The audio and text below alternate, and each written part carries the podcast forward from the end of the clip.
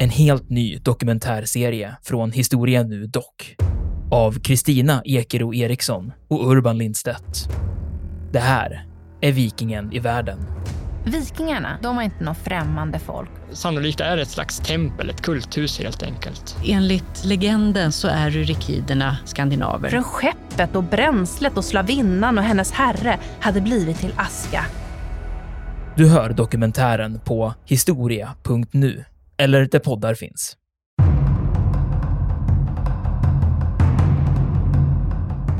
Två stycken tar sig in i den här byggnaden, kryper som jag förstår genom någon sorts eh, kanal där det går in ledningar och rör.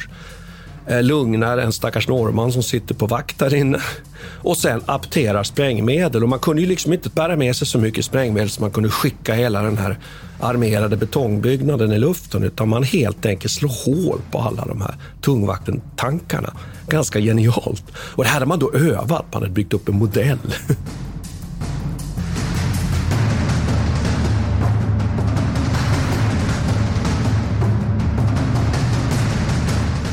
Militärhistoriepodden är podden om krig med människor och samhället i fokus. Programledare är Martin Hårdstedt, professor i historia vid Umeå universitet och Peter Bennesved, doktor i idéhistoria. Podden ges ut av förlaget Historiska Media. Stöd gärna MH-podden via vårt swishnummer 123 610 76 68. Märk betalningen med MH-podden.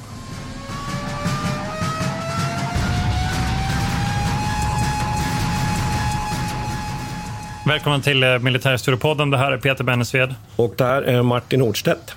I vanlig ordning, får man väl säga. Ja, numera i vanlig ordning faktiskt. Ja.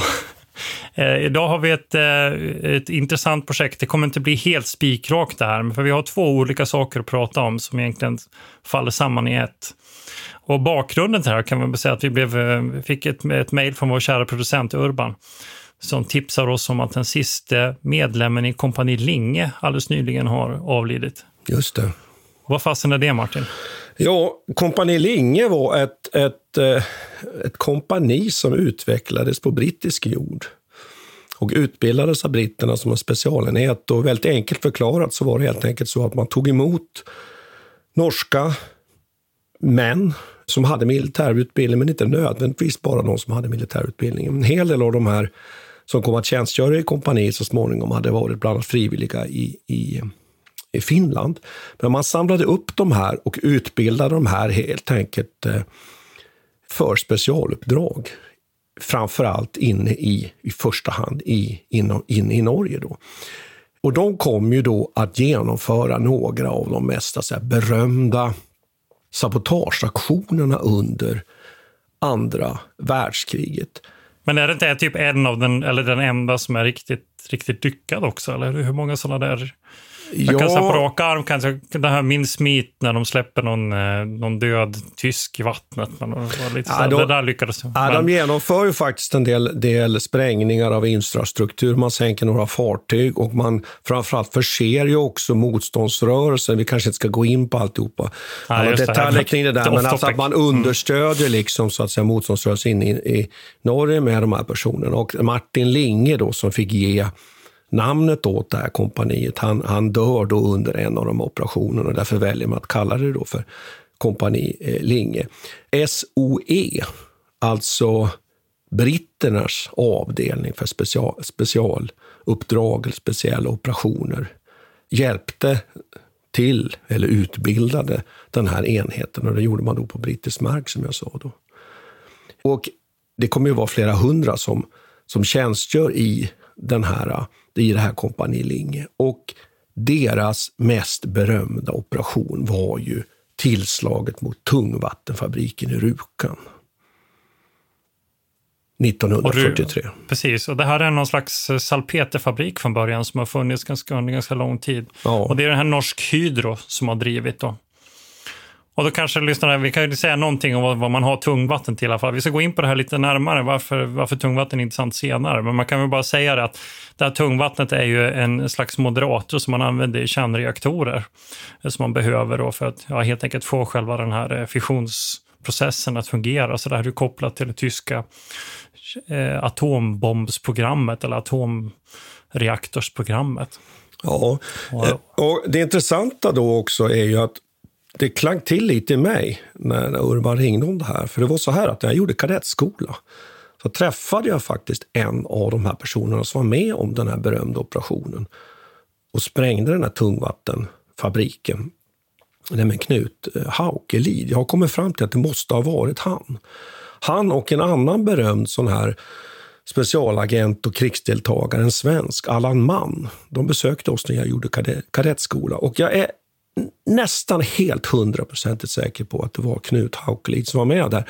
Annars, ni som lyssnar på det här och som var med på den där kadettskoleträffen i Örebro. Jag vet att vi faktiskt också träffade de här herrarna sen på hotellet, ja. Stadshotellet i, i Örebro. Och jag vet att åtminstone faktiskt Folkpartiets ordförande Johan Persson jag är ganska säker på att han var med vid det här tillfället. Och har han något annat minne så får får han liksom gärna höra av sig. Hoppas det. Det var kul om han hör av sig. Ja. Vi, vet, vi, vet ju, vi vet ju inte, och vi, har, vi är ju inte partipolitiskt engagerade. Nej. Men det, är ju roligt om eh, Johan Persson eh, ja. avslöjar sig om han var med eller inte. Ja, vi, vi tjänstgjorde inte på samma avdelning, det gjorde vi inte. Vi var på olika avdelningar, men, men vi var ju sammanförda ibland för kadettutbildning. Och jag minns att de här, och det här jag minns, att de, jag minns att jag träffade de här två herrarna faktiskt här nere i foajén och pratade med dem lite själv, kommer jag ihåg. Att svagt minne av att jag kanske vilket jag borde ha gjort om inte annat, bjöd herrarna på en whisky, vilket jag tror att de faktiskt accepterade. Och jag var ja, det är bra. Man ska ta chansen. Ja, oerhört tagen av det här. Och då ska jag bara fylla på lite och säga att jag är ju mitt inne nu i ett forskningsprojekt om norsk motståndsrörelse och var ju i veckan, Peter, på arkiv i Oslo. Och det här tänkte jag att jag skulle plåga våra lyssnare med sen så småningom. Om rafflande och mycket spännande och eh, för mig djupt rörande berättelse sen så småningom. Men det tar vi ett annat tillfälle. Men Kompani Linge, från Kompani Linge så använder man då ett antal personer för den här eh, operationen. Och vi kom väl fram till att, eh, ja för det första Peter, var ligger Rukan? Det här med geografi i, i, i radio. Ja, men alltså, du, tog, du tog mig där nu, men jag har för mig att det ligger ganska långt upp. va? Jag, jag, alltså, jag vågar inte svara, ligger, jag kommer bara göra bort mig. Ja, du går rakt västerut från Oslo. Okay, så det ligger ganska Telemarken, Hard. Hardangervidda, så ligger det ju väldigt otillgängligt. Och, det, eh, och skälet till att man har den här anläggningen där som du var inne på med det här med salpeter och så vidare, att man utnyttjar de här möjligheterna till att använda den höga fallhöjden och få en energi, för det krävs så mycket energi för att producera salpeter, men också sen det här tunga vattnet som vi kommer till sen. Då. Så det ligger väldigt ogästvänligt får man väl säga då. Mother's Day is around the corner. Find the perfect gift for the mom in your life with a stunning piece of jewelry from Blue Nile. From timeless pearls to dazzling gemstones, Blue Nile has something she'll adore. Need it fast? Most items can ship overnight. Plus, enjoy guaranteed free shipping and returns. Don't miss our special Mother's Day deals. Save big on the season's most beautiful trends. For a limited time, get up to 50% off by going to BlueNile.com.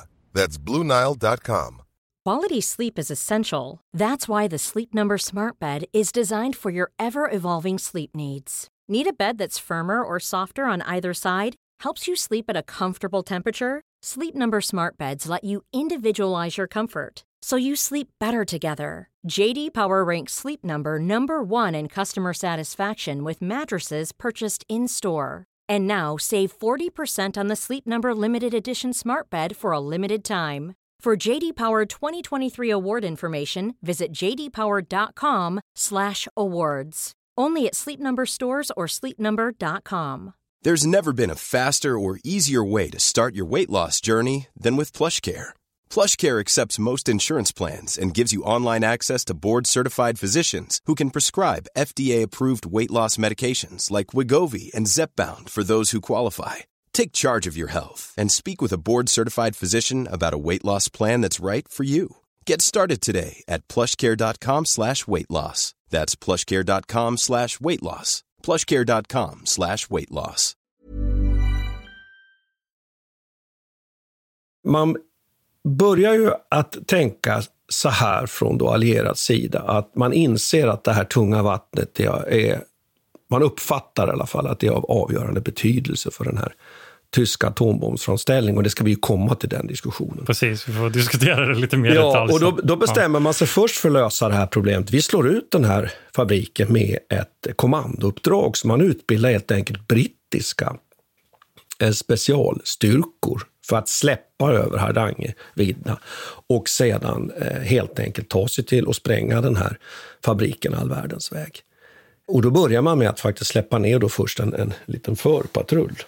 Och det här gör man då redan den 18 oktober 1942. Och sen då ungefär en månad senare då, då ska de förbereda, spana, reka, inte minst landningsplats.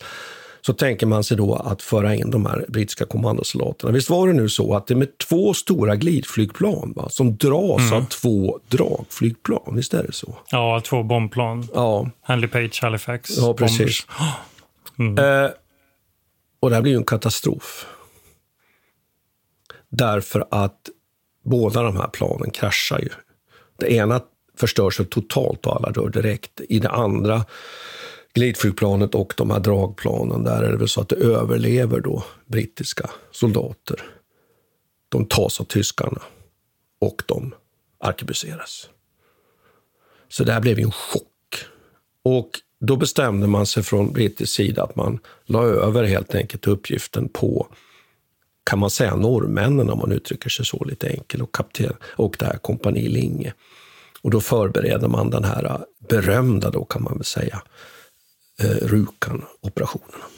Får, får jag säga en sak om det där då? För att jag, jag, I min uppladdning för det här programmet har jag kollat på den här serien som heter Kampen om tungvatten som skapades, jag tror att det var NRK som gjorde den 2015 eller någonting sånt som blev ganska känd vet jag. Den sändes även på SVT. Den är inte helt, eh, den följer ju inte själva historien rent eh, helt rakt utan den har ju massa eh, ja, de har stoppat in en hel del drama och lite annat också. Vi kan prata mer om den sen. Men där diskuterar de just det här valet. Och jag vet inte, du som har läst in det mer i detalj, det där. Eh, de diskuterar valet med att faktiskt gå med en kommandotrupp då in i, i Rukan. Eh, kontra då, och så här, då skildrar de det här konflikten då med en amerikansk bombofficer som står och skriker bara vi bara bombar bort skiten från, från markens yta på en gång. Bara. Vi håller inte på med det här, utan vi måste göra någonting nu. Och då på, påstår den här Leif Tronstad då, som finns i verkligheten, som är en av de här, eller fanns, Eh, som är en av de som höll på att planera det, att eh, den är så svårtillgänglig, själva fabriken. Mm. Och den är uppbyggd i sju olika nivåer med i el till betong. Va? Så, eh, nästan till omöjlig att bomba sönder. Och det var då ett av skälen till att man ändå ville försöka göra den här specialoperationen. Jag vet inte hur, så skildrade man i den här filmen, va? men jag, jag har ingen aning om hur det, hur det gick till i Nej, men det stämmer, det stämmer och det kan vi säga direkt här sen att man kommer ju att göra ett bombningsförsök som ju faktiskt misslyckas. Och det, det är inte, den är ju inte byggd för, liksom, på något sätt för att vara Eh, lättförsvarad eller någonting, utan den var bara, låg helt enkelt väldigt ogästvänligt till och som du säger, klättrade liksom på bergsväggen. Så det var svårt att få träff på den helt enkelt. Med, med den, den tidens liksom mekaniska sätt, om man uttrycker sig så, att släppa bomber. Då. Sen att man använder kommandosoldater, det är ju så att det är väldigt det är ju farligt att skicka in folk som inte har uniform. Eh, och man var hela tiden spelade man med den här eh, att det kunde bli repressalier mot civilbefolkningen. Så man vill liksom inte initialt använda sig av motståndsmän inne i Norge. Och vi kommer ju till det sen att den här, om vi nu säger det, ändå lyckade attacken på Rjukan, den, den genomförs ju då av norska linjekompani-medlemmar, men de sliter av sig snödräkterna och de visar sig i brittisk uniform. De lämnar också eh, brittiska kommandomärken på plats. Och poängen där är ju just därför att man inte vill ha repressalier mot lokalbefolkningen utan att tyskarna ska uppfatta att det är en reguljär brittisk trupp. Ändå, som vi ju alldeles nyss sa här, så, så skjuter alltså tyskarna de här brittiska kommandosoldaterna. Och där kan jag säga att det här var en sak sen som kom upp i Nürnberg så småningom. Bland annat eh, fanns det här med bland ett otal andra exempel där tyskarna... Det skildras också väldigt noggrant i den här serien. Vet ja, jag, det där tyskarna ju faktiskt frångick mm. det som man brukar kalla för krigets lagar då, som vi har diskuterat i den här podden. Och det är väl en väldigt trist och tråkig eh, aspekt på, på den här operationen. Jag vet inte, å andra sidan och allt annat skit som vi vet att tyskarna gjorde under den här eh, perioden så känns det som en ganska liten grej. Men det är förstås allvarligt för de som drabbas. Nu ska, du, men... nu ska du inte spä ut Peter. Nej, men, men, men allvarligt. Det, det, det, det, det är inte mm. som att det här är liksom på topp Nej, eh, top 100 på deras... Men, det, men, man kan väl ja. säga att det är en principiell ja. sak att antingen följer man... Krig, I krig händer alltid saker som inte är okej. Okay. Eh, men krigets lagar är ju där för att se till att så lite som inte är okej okay inträffar. Det är därför vi har till exempel soldatreglerna i att inte åsamka mer lidande till exempel än nödvändigt. Men, men för att återgå då liksom här till, till då, då gör man så att då finns det redan då kvar folk på Hardangervidda. Och man har placerat också motståndsmän nere i samhället nära den här tungvattenfabriken. Man har ögon in, man har koll på tyskarnas uppladdning, vaktsystem och så vidare. Och sen kompletterar man då helt enkelt den här styrkan uppe på Hardangervidda då med att släppa ner ett antal fler medlemmar från, från det här eh, komp kompani eh, Linge. Jag tror att det är fem stycken ytterligare man släpper ner. Då har man en grupp och av de här då så är det då slutligen då nio stycken som genomför den här slutattacken på Rukan, så har jag uppfattat det. Då. Och det är ganska spännande tycker jag, att man lever ju där uppe på, på, på verkligen på kalfjället, man utstår stormar. Och ni kanske som är lite äldre, men nu får säga, som lyssnar på oss, ni kanske har sett den här filmen eh, Hjältarna från Telemarken. Har du sett den, Peter? Nej, jag har inte sett. Ja, från 60, 65. Nej, det har jag ja, inte sett. Där en del av de här deltagarna spelar sig själva. Det är lite spännande. Ja, okay. Där har du Kirk Douglas är ju med i en av huvudrollerna där. Och det lustiga är ju liksom att en del har liksom förknippat den här attacken med Kirk Douglas. som inte hade så mycket med det här att göra. Och Nej. tydligen så, så, finns det många som haft synpunkter liksom på riktigheten i den här filmen och även på den senare film sen som kom. Så precis som du var inne på, att till och med den där serien där menade du inte heller var helt korrekt i alla avseenden. Du sa, du sa ju det alldeles nyss, där, som du hade sett om tungvattnet, att det fanns lite betänkligheter där kring olika saker. Men, men i alla fall så delar man in den här styrkan på nio personer. I huvuddrag är det ju så att man, man kan liksom inte ta sig bara rakt in i den här eh, tungvattenfabriken. Det är ju självklart det jag säger nu. Man kan bland annat inte nyttja då en hängbro som finns där. Och man vill inte eh, ställa till för mycket rabalder, men man räknar helt enkelt ut att det finns en väg in. Men det bygger på att man liksom först tar sig ner för, för ett berg, ner i en dal och sen upp för ett berg om man uttrycker sig så. Och sen via en järnvägsspår in i den här fabriken saxar sig igenom eh, eh, stängsel så lyckas man ta sig igenom. Man har en säkringsgrupp på utsidan som håller koll på det, det omedelbara tyska manskapet. Två stycken tar sig in i den här byggnaden, kryper som jag förstår genom någon sorts eh, kanal där det går in ledningar och rör.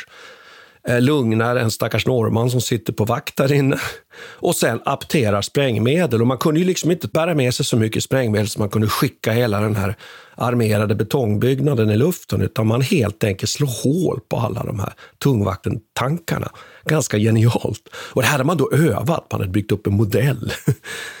Så man apterar, chefen för den här styrkan och eh, hans medhjälpare apterar och Sen tar man sig helt enkelt ut och sen smäller det. Och det är stubin, klassisk stubin som man drar. Man har ett par minuter tror jag det handlar om och sen smäller det. Och jag tror att det är en, ytterligare en vakt där som man får ta hand om. Ändå ganska odramatiskt. Man får ta på en nyckel så man kan ta sig ut så man slipper krypa ut igen. Och så lyckas man då. Det smäller, men det hörs tydligen inte så mycket ut. Utan man lyckas helt enkelt dra sig ur innan tyskarna upptäcker det här och skjutandet börjar. Och sen som jag läste någon ögonvittnesskildring där, som att de förstod att det var inte på dem de sköt i alla fall. Så de kommer alltså undan och dränerar liksom det här tungvatten. Så egentligen ingen dör va? Nej, ingen skadas. Nej. Eh, Så det är ju en ganska fascinerande lite, operation ja. egentligen kan man säga. Då. Jag, jag, kan förklara för lyssnarna lite vad det är för typ av apparatur som man har sönder också. Ja. Det är en slags des destillationsapparat. Så det är liksom eh, stora, eller inte, ungefär manshöga eh, tankar som står ett helt gäng inne i ett rum. Så det är inte så stora grejer. Och det här tungvattnet, varför det här är känsligt är att det, alltså man distillerar ju fram det så det tar väldigt lång tid att få fram större mängder. Så det, det, droppar liksom bara fram några, några liter, eller en halv liter om dagen i de här apparaterna. Så det är väldigt, eh, väldigt känslig apparatur. Och också för att förklara lite här att det här är ju en befäst position egentligen från, från tysk sida eftersom man har uppfattat det här som krigsviktig industri. Eh, och det har man gjort sedan man har ju haft samarbetat med Hydro redan innan kriget, men sen efter själva ockupationen så har man ju mer eller mindre befäst den. Så det är ju därför också de har svårt att ta sig fram. Så det är inte någon, någon oskyddad eller på något vis eh, från tyskarnas sida, eh, vad ska man säga, de är inte okunniga om hotet som finns mot den här Nej. anläggningen. Men, men man kan väl säga att de utnyttjar ju egentligen den där gamla eh, devisen att man liksom ska vara, ta initiativ och att man ska vara kreativ och att man ska slå till den fienden som minst anar det. Det är ju det de gör här. Mm. Och precis som du säger, egentligen utan skottväxling. De behöver aldrig besvara någon eld eller någonting. Han heter Rönneberg för övrigt, han som, som leder den här eh, operationen. Då. Så på så sätt var ju den en både spektakulär och fantastiskt egentligen eh, lyckad operation. De har lyckats då tömma, jag tror det är 500 kilo med sånt här tungvatten. Då. Det man kan konstatera är väl att på längre sikt så, så, så var den väl inte så lyckad. Därför att ganska snart så lyckas man ju laga de här och få igång produktionen igen. Och sen släpper det, vilket man ju kan skratta kanske lite åt, då, att den här gruppen delas ju. En del kommer att stanna kvar eller sugas upp i det norska samhället och en del försvinner till, till, till Sverige. Då. Men tyskarna släpper ju lös tusentals tyska soldater ut på Hardangervidda och runt om och letar efter de här och får aldrig tag på dem. Men jag tror att också det är en ingrediens i det här, tror jag, som, som mitt i den här ganska, ska vi väl säga, hårda ockupationen av, av Norge som ju var i stor utsträckning, eh, kan jag få själv för, men ganska vattentät ändå från tyskarnas sida, så var det här ändå en framgång, skulle man kunna, så skulle man kunna uttrycka det. Va? Men vad gör man nu då, Peter? När de sätter igång igen? Ah, då kör man ju den amerikanska modellen här. Och det är det man då bestämmer sig för att göra då, att man helt enkelt bombar ordentligt, om jag uttrycker mig så, Eh, hela det här Rukanområdet och eh, eh, fabriken. Då. Och då kan man väl i och för sig där fundera lite på att, att eh, hade man inte tillräckligt med, med kunskaper för att inse att inte det skulle, skulle, skulle lyckas. Men jag tror att det är någonstans, att det är över 150 bombplan som sätts in. Ja, alltså jag påminner mig ganska mycket om Monte Cassino, när man bombar Monte Cassino. Jag har, jag har inte jämfört siffrorna, men jag får lite samma känsla, att man bara helt skyddslöst skickar iväg det man har. Det jag inte förstår det är den här desperationen eh, från den brittiska och amerikanska sidan om att verkligen slå ut den här fabriken. För man kan, i efterhand kan man verkligen undra hur stort syfte den det har. Men vi kan komma till det. Det finns ju en, en till operation här som egentligen är kanske en av de mer kontroversiella och som kanske inte har lika gott minne. Den här sista räden man gör när man ska sänka den här båten som heter Hydro. Va? Det är en liten passagerarfärja som går över en sjö där och som man måste ta sig till för att komma till Vemork och Rukan. Cool fact a crocodile can't stick out its tongue. Also, you can get health insurance for a month or just under a year in some states. United Healthcare short term insurance plans, underwritten by Golden Rule Insurance Company, offer flexible, budget friendly coverage for you. Learn more at uh1.com. Quality sleep is essential. That's why the Sleep Number Smart Bed is designed for your ever evolving sleep needs. Need a bed that's firmer or softer on either side? Helps you sleep at a comfortable temperature? Sleep Number smart beds let you individualize your comfort so you sleep better together. JD Power ranks Sleep Number number 1 in customer satisfaction with mattresses purchased in-store. And now save 40% on the Sleep Number limited edition smart bed for a limited time. For JD Power 2023 award information, visit jdpower.com/awards. Only at Sleep Number stores or sleepnumber.com. This is Paige, the co-host of Giggly Squad, and I want to tell you about a company that I've been loving, Olive and June. Olive and June gives you everything that you need for a salon quality manicure in one box. And if you break it down, it really comes out to $2 a manicure, which is absolutely insane. It's also so easy to get salon worthy nails at home with Olive and June. The difference between how your nails used to look when you did them yourself and now with the Manny system is a complete game changer. The best thing about Olive and June too is it's a quick dry, dries in about one minute, lasts for five days, and full coverage in up to one to two coats. Visit oliveandjune.com slash perfectmanny20 for 20% off your first system. That's oliveandjune.com slash perfectmanny20 for 20% off your first system.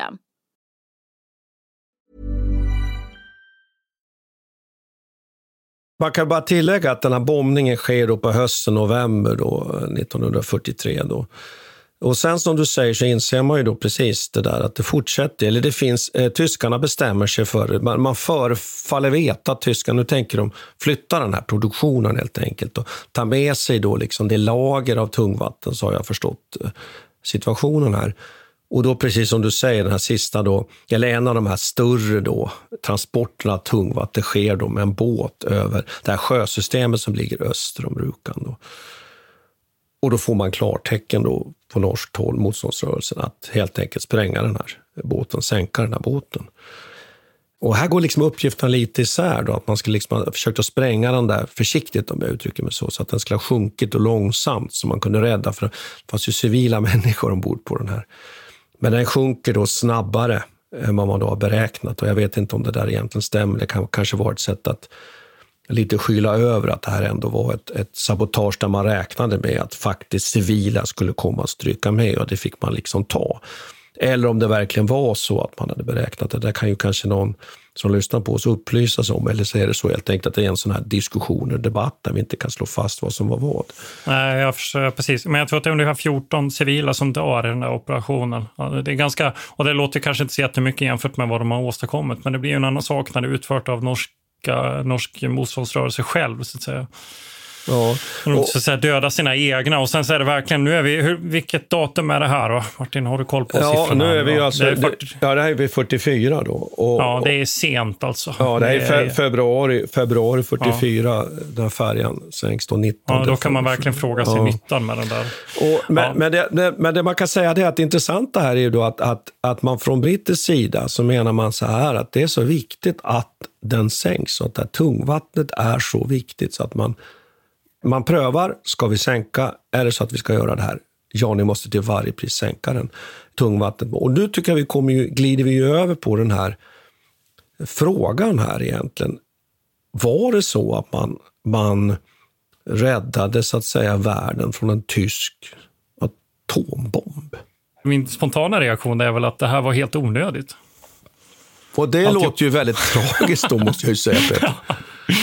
det, var, det var kanske en av världens mest spektakulära liksom, undercover-operationer ja. här. Men, men, men jag skulle säga att det verkar vara helt meningslöst. Det kunde man förstås inte veta då, men så här i efterhand är det verkligen eh, Men då skulle jag ju vilja säga emot det här nu. För att nu är det ju så att mm. det, jag brukar ju alltid försöka lite ta, ta eh, folk som tjänstgör och så vidare i försvar. Det kanske lyssnarna har märkt.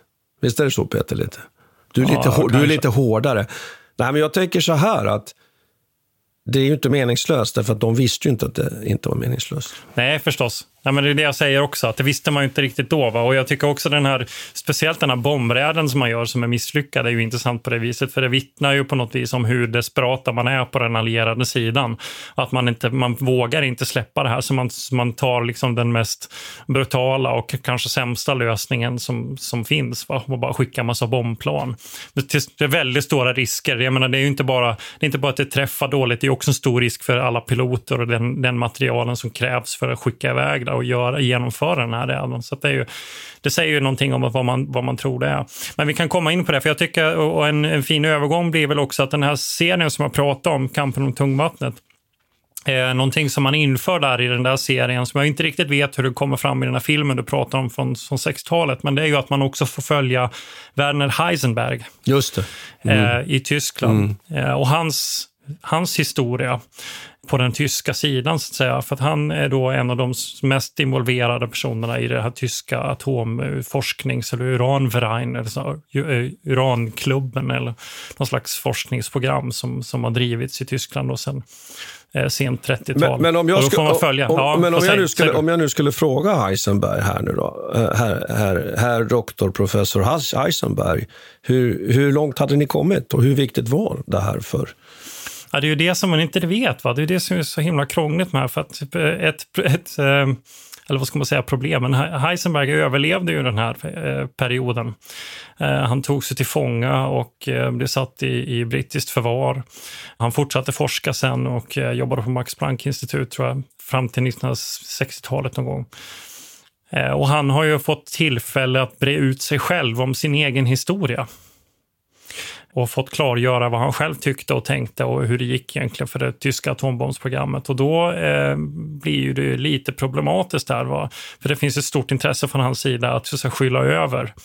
Och det han har försökt säga och som man har tolkat lite mellan raderna då i efterhand efter det här kriget är att han, ja men vi nej, men, eh, vi stoppade upp den här forskningen eller vi medvetet på något vis saboterade den eller förhalade forskningen på olika vis då, för att vi inte ville sätta en atombomb i Hitlers händer. Och det är ju det här som är lite problematiskt då, för det finns mycket som tyder på att han inte alls hade den inställningen. Han verkar inte ha varit någon, någon eh, övertygad nazist, men han verkar ha varit väldigt förtrollad av vetenskapens okay. under och liksom så här, varit väldigt mm. Eh, eh, engagerad i sin egen forskning och vill säkert gärna vara, eh, vara med där på forskningsfronten som en av de liksom ledande tyska fysikerna. Men vi kan, vi kan backa tillbaka lite och prata lite om Werner Heisenberg också. För, för, vi måste få lite klarhet varför tungvatten är intressant här. Ja, ja. För att det finns olika sätt att hantera den här kärnklyvningsprocessen. Och Heisenberg, han, eh, han är ju Nobelpristagare faktiskt. 1932 fick han Nobelpriset. Så under, den här, under hela 1930-talet, 1910, 20 och 30-talet, så är det ju Tyskland som är det stora navet för fysisk forskning eller fysik. Liksom. Det är där det är, de bästa experterna finns där och detta vet de allierade. USA och de allierade är mycket väl medvetna om att i Tyskland finns en otrolig expertis. Ja, vad vill du säga Martin? Jo, jag skulle vilja bara skjuta in och säga att detta gäller fram till 33. Därför sen, vi, ja, nej, men att det gäller ju fram till 33, 1933, ja, för jag ska bara markera det. Ja, därför... fast, nej, fast inte. Eh, grejen är ju att man, det man blir extra rädd för det är ju att just Hitler och det hans effektiva, diktat, hans effektiva diktatur kan möjliggöra att den här forskningen, den expertisen som finns verkligen sätts i krigsmaktens händer. Ja, Så tvärtom absolut. ska jag säga att, ja. det är just, att det är just det faktum att fram till eller efter 33 som det här verkligen blir ett stort ja, jag, problem. Jag håller med dig. Alltså det, jag, jag, är, jag är liksom aiming at something här eh, och det är ju det att nazisterna bryter ju ner, krossar Exakt. ju egentligen Tyskland som vetenskapsnation. Men du har helt rätt och det man behåller är ju i stor utsträckning det man har användning för att bygga deras krigsindustri. Så att, ja. Men återigen, det här, vad vet de på den allierade Nej. sidan? Nej. Du är ju helt rätt i det att mm. den, den här tyska nazistiska partiapparaten bryter ner den tyska fysiken och man får liksom, ja, det går ju inget bra va? Och, och det blir en, en intellektuell flykt därifrån och så. Men det vet man inte riktigt på den brittiska sidan än och man kan inte riktigt, man har ingen aning om vad det, vad det är man försöker göra. Men, men det man ser i alla fall på den tyska sidan det är att de sätter igång eh, projekt med att försöka skapa en kärnreaktor, eller en uranmaskin. Och eh, Heisenberg beskriver detta som ett sätt att ja, man skulle kunna driva båtar med den här, eller man skulle liksom få elektricitet i oändlig mängd. Men för att kunna behålla eh, och få en jämn eh, fissionsprocess så måste man moderera det här uranet. Och det kan man göra på, på lite olika sätt och det finns två alternativ här nu då. Och det ena är att man använder grafit som är en slags rent kol. Det är så mättat material som gör att de här neutronerna studsar mot varandra. Vi behöver inte gå in i detaljer med det. Men grafit är en variant. Och sen ska man använda tungt vatten som är ett slags mättat vatten. Och då, som också gör. Och då är det, ja, väl, ja, och då är det ja, så att så, tyskarna väljer tungvattenspåret här. Ja, och då för, precis. Och det är så mm. intressant för det finns en annan person som heter Walter Bothe som sitter i Heidelberg som en känd fysiker. Och han har gjort experiment med grafit och han tycker att det här är skit.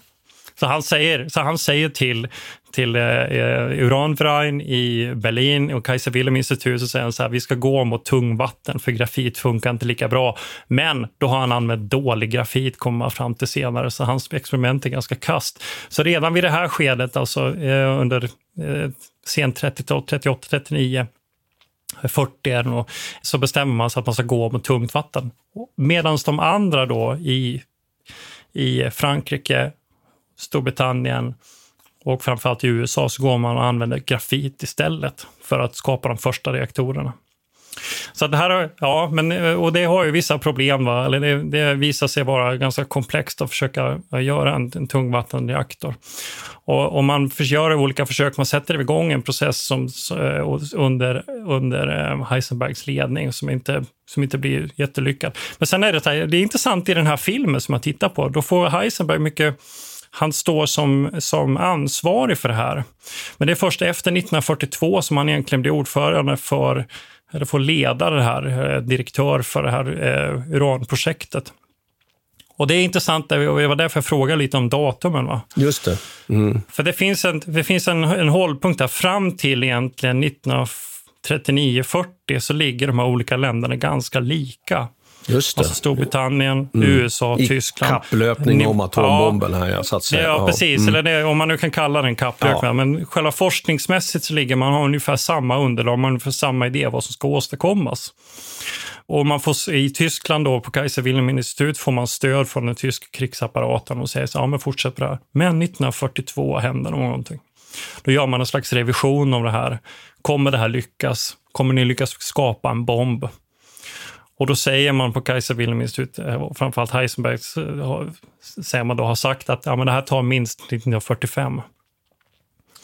Och det som Heisenberg vill då, att ska man göra det, då måste det här industrialiseras. Och här är den stora skillnaden mellan USA och Tyskland. I USA 1942 sätter man igång Manhattan-projektet. Det ska vi prata om i ett annat avsnitt. Men då industrialiserar man det. Just det. Och det är tiotusentals, hundratusentals. Ja, det är 130 000 ja. pers i Manhattan, ja, ja. i Manhattan-projektet. Eh, och på den tyska sidan beslutar man nej. Vi ska fortsätta kärnreaktorforskningen, men den industrialiseras inte. Albert Speer är eventuellt involverad i det här också. Så det här är som är stora skillnaden. Va?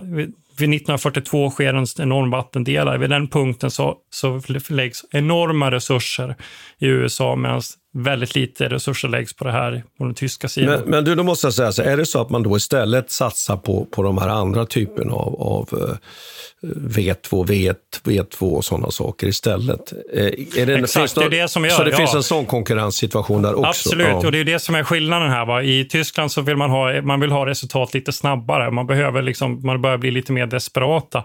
Så många av de här forskarna, det är ungefär 70 forskare som är involverade i uranverein. Ungefär 40 av dem jobbar halvtid med just den här frågan. Resten av dem jobbar ju mot raketforskningen och V2-raketerna och det. Och det är där man sätter in mycket av kompetensen. Så de förflyttar ju mycket av dem dit. Va? Men, men det betyder ju egentligen ja. att när de släpper ner de här Aukelid och de på Hardangervidda där och genomför de här operationerna här så är man inte medveten om det här. Nej, Nej, precis. Och det är det som är så intressant. För att det, det är klart att rent teoretiskt så gör man ju, har man ju rätt analys i det att okej, okay, de kan använda tungvatten för att skapa en reaktor. Och det man får ut av, och det har jag glömt att säga här då, det som man är rädd för det är att när du har kört uran 238, va, det är en viss isotop, om man kör det här genom en, en reaktorprocess då får man ut ett annat grundämne som är numera känt som plutonium. Och det här plutonium kan man använda för att skapa en bomb. Så det är det man är på, och det är man medveten om från den allierade sida. Så det är det man är rädd för, att de ska kunna skapa det här grundmaterialet. Men då kan man säga så här, då, att man, te ja. man, teoretiskt så förstår man på de allierade sida att, att teoretiskt skulle man, behöver man det här tungvattnet, det tyder på att man skulle kunna få fram någonting, enkelt uttryckt, som skulle kunna skapa en atombomb. Däremot har man Exakt. inte koll på att man inte har satsat tillräckligt och att man liksom inte har egentligen fått till en, ja man är ju långt ifrån en bomb som man skulle operera. Ja, precis. Ja. Så den här, den här, så säga, när man kliver in i en industrialiseringsfas, då är, man, då är, då är USA på en helt annat ställe. Och det är det som, och Heisenberg verkar inte förstå det själv heller på sin sida. A lot can happen in three years, like a chatbot may be your new best friend. But what won't change? Needing health insurance. United Healthcare Tri Term Medical Plans, underwritten by Golden Rule Insurance Company, offer flexible, budget friendly coverage that lasts nearly three years in some states. Learn more at uh1.com. Mom deserves the best, and there's no better place to shop for Mother's Day than Whole Foods Market. They're your destination for unbeatable savings, from premium gifts to show stopping flowers and irresistible desserts. Start by saving 33% with Prime on all body care and candles. Then get a 15 stem bunch of tulips for just $9.99 each with Prime. Round out Mom's menu with festive rose, irresistible berry chantilly cake, and more special treats. Come celebrate Mother's Day at Whole Foods Market. Traffic jams, tailgating, pileups. Ugh, the joys of driving. How could it get worse? The federal government wants to have a say in what you drive. That's right. The Biden administration's EPA is pushing mandates that would ban two out of every three vehicles on the road today. Don't let Washington become your backseat driver. Protect the freedom of driving your way. Visit EnergyCitizens.org. Paid for by the American Petroleum Institute. Finns ett jätteintressant möte här mellan Niels Bohr och Werner Heisenberg som sker 19, september 1941. Dansken, dansken Niels ja, Bohr. Niels, Bohr och, Niels Bohr och eh, Heisenberg, det är de som har skapat kvantfysiken egentligen och det är de som tillsammans har fått Nobelpriset 1932. Och det här mötet är mycket mytomspunnet då. Och det, och det skildras på väldigt många olika sätt. Och det man säger, eller de olika teorierna varierar här mellan att Niels Bohr försöker övertyga Heisenberg om att han inte ska fortsätta med eh, atombomben. Alternativt att eh, Heisenberg försöker övertyga Niels Bohr om att de allierade inte ska bygga någon atombomb för Tyskland kommer ändå vinna och det är helt meningslöst.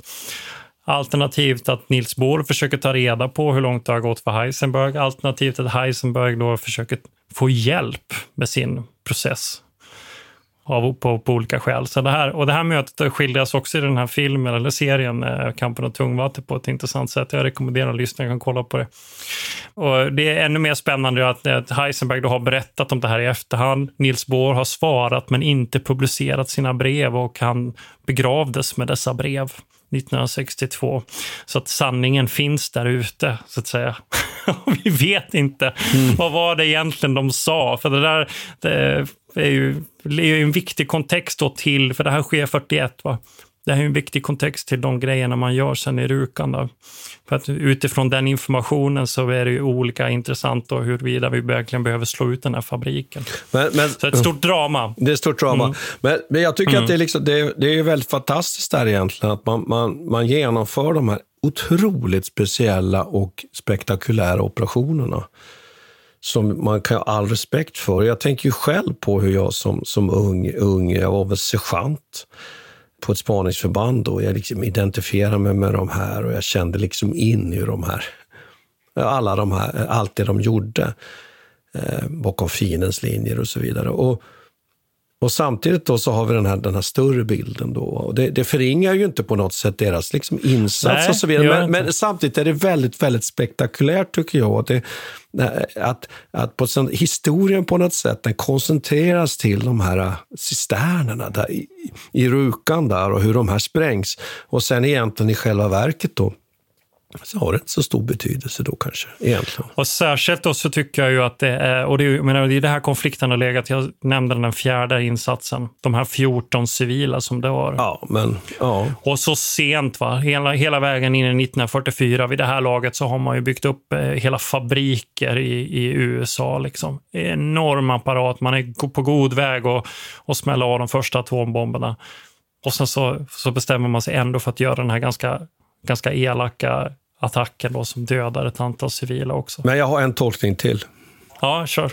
Den är att man upprätthåller trycket mot Rukan och genomför de här operationerna därför att man vill få tyskarna att tro att man tror att de har en atombomb. Kan det vara så? Ja, det, så skulle man ju kunna tolka det också. Ja. Men det kanske... Det finns, ju, det precis, kanske, det finns ju många sätt att se på det, det här. Det kanske alltså, är lite långsökt, ja. men, men, men när, ja. när, man vänder på det så kan det ha varit mm. ett sånt spel. Det finns väl inte så att säga något, jag, har inte känt, jag känner inte till något liksom källmaterial på något sätt som på något sätt skulle stö, stödja det. Va? Men vi vet ju att krig och jag tycker på många sätt vi har berört saker här som, som ju har att göra med krigets väldigt komplicerat, hur komplicerat det är med, med, med, krig och att vad man satsar på, vad det kostar, det civila, det är, det är kommandosoldater, det är, är den här typen av specialvapen som kanske egentligen inte hade någon betydelse. Och det handlar mycket om bara vad man vet, alltså rena underrättelser, vad de har, vad de har, hur pass stor insikt har man i de här sakerna. Det finns ju en, en intressant episod här efter också, den här Farm, Farm Hall Recordings. Har du hört talas om dem? Nej. Nej, det, det är de här, eh, det, det var ju ett så tiotal tyska fysiker. Jo, som jo. Till fångat, ja, förlåt. Jo, jag känner till. Ja, ja, ja, de, ham, de hamnade uppe i, i, eh, jag vet inte var, någonstans i England. Va? Då blev de inlåsta i ett hus där som var riggat med, med, med eh, inspelningsutrustning överallt.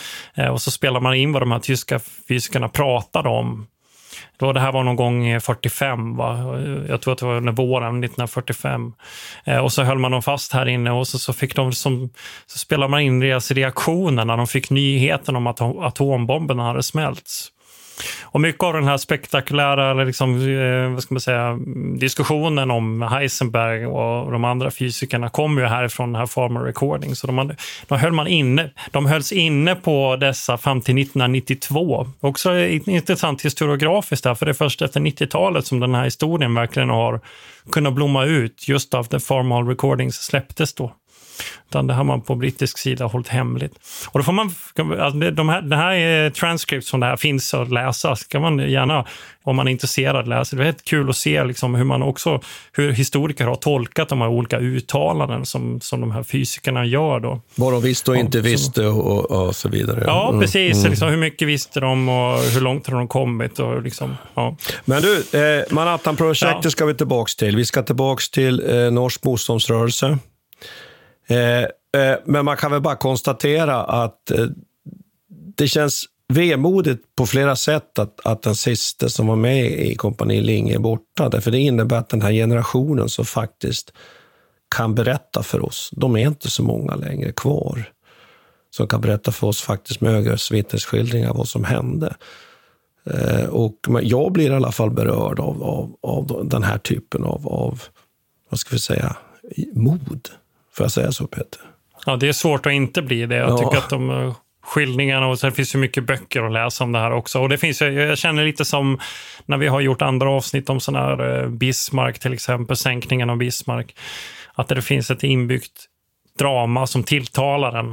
Eh, det är svårt att värja sig från den här berättelsen när man väl liksom öppnat den dörren. Och att det, det, ja, det är mm. fantastiskt att de lyckades. Alltså. Historia, i synnerhet militärhistoria, handlar i slutändan ju alltid om människor som upplever, handlar och får, får helt enkelt också leva med sina handlingar och de konsekvenser som kriget för med sig. Skulle man väl kunna avsluta. Blev det bra det där Peter? Ja, det... blev bra avslutning Peter? Ja, jag tycker det blev bra. Vi, vi säger så. Tack ska vi ha. Tack ska vi ha. Hej. vi tackar Peter Bennesved och Martin Hårdstedt. Kontakta gärna Militärhistoriepodden via mail på militarhistoriepodden historia.nu. Peter och Martin vill gärna få in synpunkter och förslag till programidéer.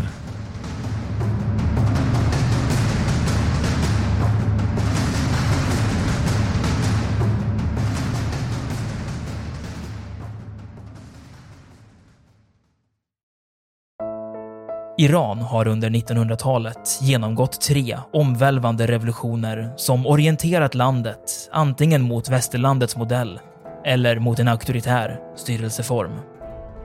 Idag pågår en social revolution i landet som vänder sig mot det islamistiska styret och vars anhängare har Europa och väst som förebilder. I en viktig bok ger idéhistorikern Mohammad Faslashemi en djupare förståelse för dagens dramatiska händelseutveckling.